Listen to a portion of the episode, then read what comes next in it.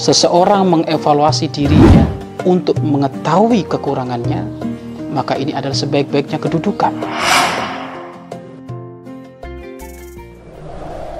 Ayo gabung program wakaf tanah dan bangunan Al-Bahjah Buyut. Hanya 200 ribu per meter. Bismillahirrahmanirrahim. Assalamualaikum warahmatullahi wabarakatuh.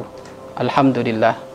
Wassalatu wassalamu ala rasulillah habibina wa syafi'ina wa qurrati a'yunina wa maulana Muhammad sallallahu alaihi wasallam wa ala alihi wa ashabihi wa tabi'ina lahum bi ihsanin ila yaumiddin. Amma ba'd. Pemirsa perindu-perindu Allah perindu-perindu Rasul perindu-perindu Rasulullah sallallahu alaihi wasallam. Corona. Corona Corona Virus Corona datang dengan kehendak Allah subhanahu wa ta'ala Maka Allah pun mudah untuk menghilangkannya Tidak perlu takut berlebih-lebihan dalam menyikapinya namun takutlah kepada Allah Subhanahu wa taala. Allah yang Maha Kuasa atas segala sesuatu. Selalu berdoa memohon kepada Allah Subhanahu wa taala agar segera dihilangkan wabah ini dan selalu ikhtiar dalam menjaga kesehatan diri. Pemirsa yang dimuliakan oleh Allah Subhanahu wa taala, begitu maha agungnya Allah begitu maha dahsyatnya Allah Subhanahu wa taala. Sangat mudah Allah memporak-porandakan jagat raya ini. Hanya cukup dengan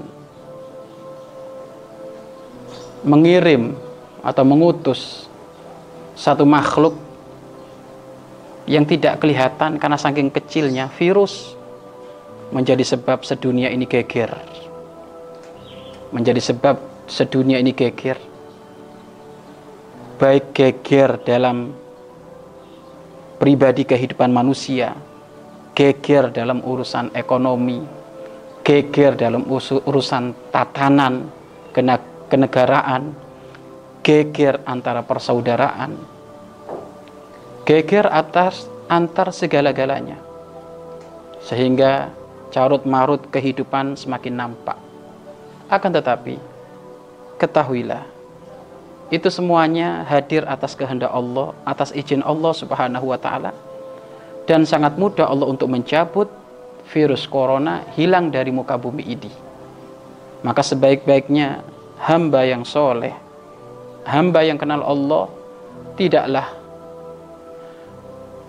menyikapi wabah ini melainkan kembali kepada kebesaran Allah Subhanahu wa taala. Kembali kepada kehebatan Allah Subhanahu wa taala Allah lah yang menjadikan sembuh, Allah lah yang menjadikan sakit, Allah lah yang menjadikan kelapangan, Allah lah yang menjadikan kesulitan. Maka pertama kali yang harus diberesi dengan adanya virus corona ini keimanan di dalam hati kita. Jangan sampai kita berlebih-lebihan di dalam menyikapi virus corona ini sehingga lupa akan kebesaran Allah Subhanahu wa taala. Padahal kalau ditengok secara medis virus corona ini adalah termasuk virus yang jauh lebih kecil dan lebih ringan dibandingkan virus HIV atau virus taun ataukah TBC ini lebih lebih lebih dahsyat. Memang disepakati oleh para medis bahwasanya virus corona ini dahsyatnya adalah karena cepat menular dan menyebar walaupun hakikatnya menular menyebar adalah itu semuanya adalah karena kehendak Allah Subhanahu wa taala. Artinya apa? Kehidupan kita adalah tetap menjadi kehidupan yang stabil antara senantiasa mendekatkan diri kepada Allah, menjauhi yang diharamkan oleh Allah, mengikuti sunnah-sunnah Nabi, mengikuti instruksi petunjuk dari dunia medis, kesehatan yang ahli iman, sehingga selebihnya daripada itu semuanya kita serahkan kepada Allah Subhanahu wa taala. Dan insya Allah tidak akan ada kekurangan apa pun dalam urusan rezeki yang dicabut oleh Allah, melainkan kecuali kondisi saja. Kalau rezeki, rezeki sudah dijamin oleh Allah. Maka kalau ada orang berbicara bahwasanya gara-gara corona ini rezekiku turun, sebenarnya rezekiku turun artinya berkurang, sebenarnya tidak berkurang dan turun. Akan tetapi perasaan saja mungkin sekarang seakan-akan terhempit dan kemudian kita merasa butuh sehingga seakan-akan rezeki kok sulit menurun hasilnya. Padahal tidak. Urusan rezeki kita ini bukan urusan corona, urusan rezeki kita ini sudah jauh-jauh dicantumkan, ditentukan, ditakdirkan oleh Allah di saat kita berada di rahim ibunda kita. Di saat kita berada dalam usia 4, 4 bulan, maka di situlah Allah meniupkan roh. Allah akan menciptakan kepada hambanya tersebut, si jabang bayi tersebut, bagaimana ia menjadi orang beruntungkah, rezekinya berapa, memiliki pangkat tidak, ilmunya manfaat tidak, berkah tidak kehidupannya, nyawanya sampai usia berapa, matinya ada di mana, jodohnya ada di mana, itu semuanya sudah terdaftar, tercantum, tertuliskan sebelum kita lahir ke muka bumi ini alias kita berada di perut ibunda kita. Maka proses sekarang kok kayaknya terhempit, sempit itu hanya keadaan saja karena keadaan kita saat ini diuji sehingga seakan-akan merasa sempit semuanya. Padahal urusan rezeki tidak bakal berkurang urusan rezeki tidak bakal berkurang. Sesuai Allah menentukan di saat kita berada di perut ibunda kita.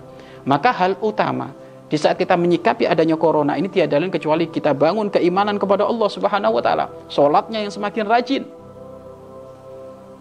Banyak kita menyendiri untuk banyak tafakur, merenung kepada Allah Subhanahu wa taala. Dan tidak perlu kita jelek prasangka, menuduh sana, menuduh sini, ini ada ada pihak ketiga, yang coba bermain-main dalam urusan ini, ini bukan urusan kita.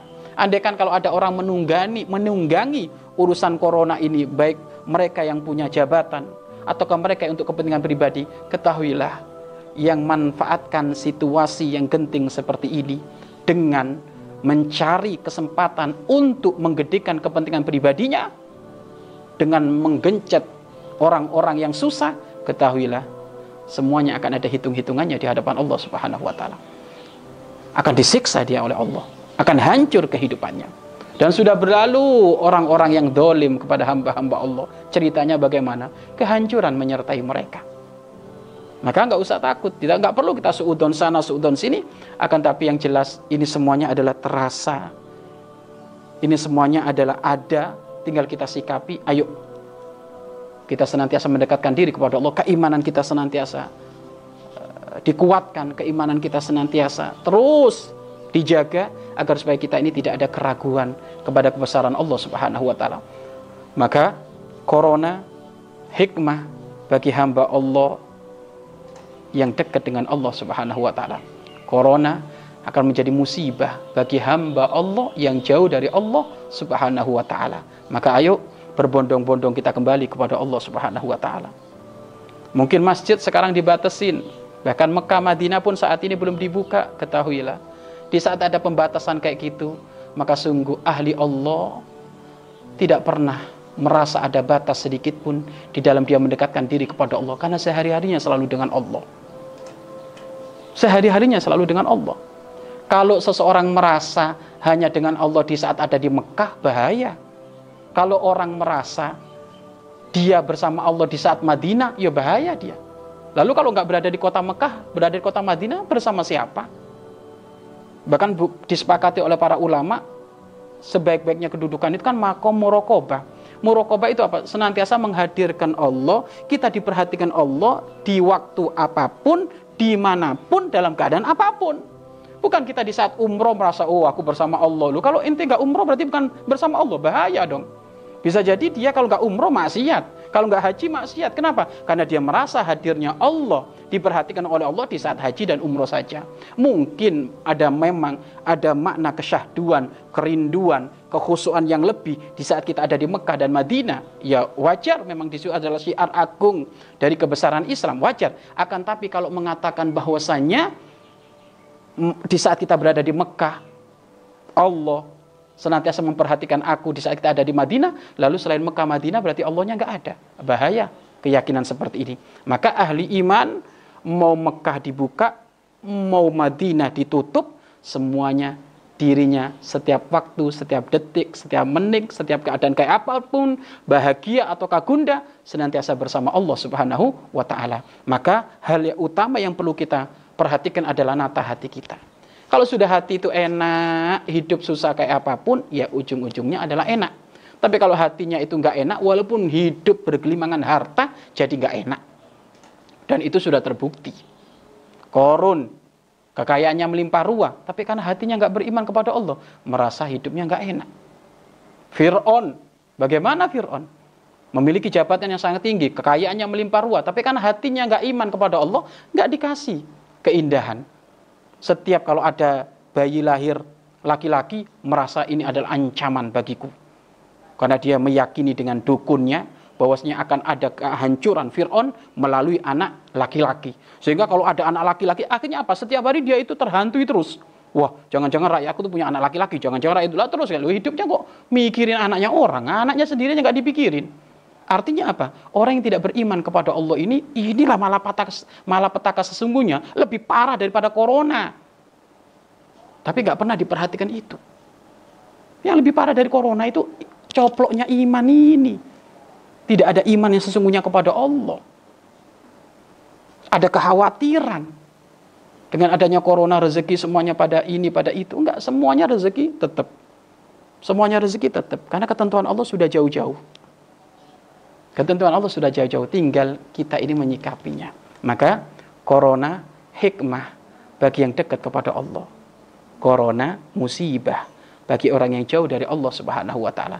Maka saat ini kalau Anda sudah menemukan hikmah dari adanya corona, maka Anda semakin dekat kepada Allah, bersyukur kepada Allah Subhanahu wa taala dan senantiasa meminta kepada Allah agar supaya keluarga kita diberi kesehatan, para santri kita senantiasa diberi kesehatan, orang-orang dekat kita, para ulama kita senantiasa diberi kesehatan.